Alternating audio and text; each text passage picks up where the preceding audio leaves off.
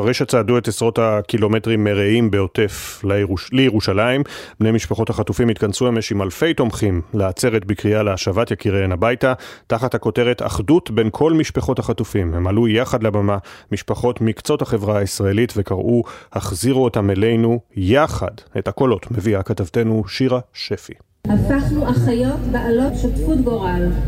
עומר ואליה, אחים. ניבה וסיגי, אמהותיהן של עומר ונקרט ואליה כהן, עמדו זו לצד זו על הבמה בכיכר פריז בירושלים, יחד עם אלפים שהגיעו לעצרת להשבת החטופים, אחרי שצעדו ארבעה ימים אל הבירה. אליה ועומר גדלו בבתים שונים. עומר גדל בבית חילוני, אליה בבית דתי. אנחנו יכולים להתאחד יחד במטרה להשיב את האהובים שלנו שהפכו להיות אהובים של כל עם ישראל.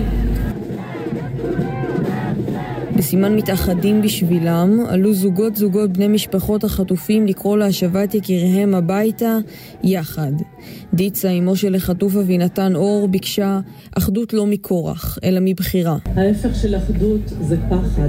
אנחנו לא צריכים להסתדר ביחד כי המציאות מכריחה אותנו. העניין הוא לחפש את האור המיוחד.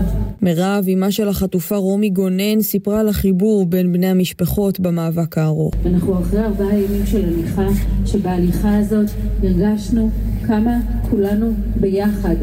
דיצה ואני אולי לפעמים לא רואות עין בעין את האסטרטגיה, מה נכון יותר לעשות, אבל אנחנו רואות עין בעין את העוצמה שלנו ביחד. 147!